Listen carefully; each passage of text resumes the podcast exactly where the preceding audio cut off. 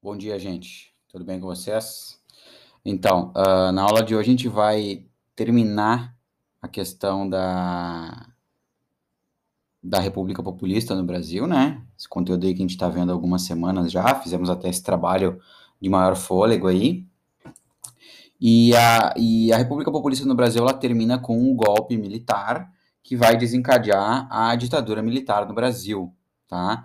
Uh, a ditadura militar no Brasil é um período que vai durar 21 anos, ela vai de 1964 até 1985, então é um longo período da história brasileira.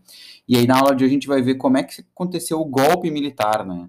Quem foi o presidente que tomou o golpe militar? Uh, a gente já viu que os militares eles tinham intenção de dar um golpe ainda no, no, no, Getúlio Vargas, e aí o Getúlio Vargas, para evitar esse golpe, se suicidou, se matou, né? E com isso evitou o golpe lá em 1964, em 54, perdão. Então, dez anos depois, em 64, os militares vão uh, finalmente dar esse golpe que eles estavam planejando há pelo menos 10 anos, tá? Uh, eu separei um vídeo que é bem explicativo aqui, ele mostra bem o, é, essa transição aí do, da República Populista para a ditadura militar brasileira, tá? Então, a partir desse vídeo, eu separei algumas perguntas aí para vocês, certo?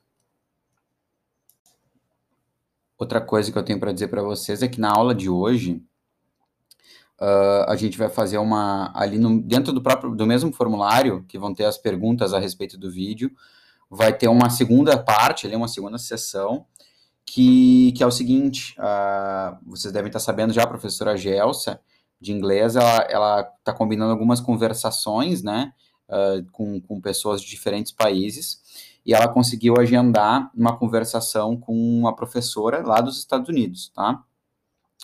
Uh, e ela me pediu para participar com ela dessa, dessa conversação, que vai ser na próxima sexta, no dia 30, tá? Uh, e ela pediu que eu preparasse com vocês, com a turma 91, algumas perguntas para fazer para essa professora sobre as eleições nos Estados Unidos. Então, a segunda parte dessa, dessa, desse formulário que vocês vão ver ali vai ser, vai ser uma parte destinada a vocês criarem uma pergunta sobre as eleições dos Estados Unidos que vocês gostariam que essa professora respondesse para nós lá no, na sexta-feira, tá?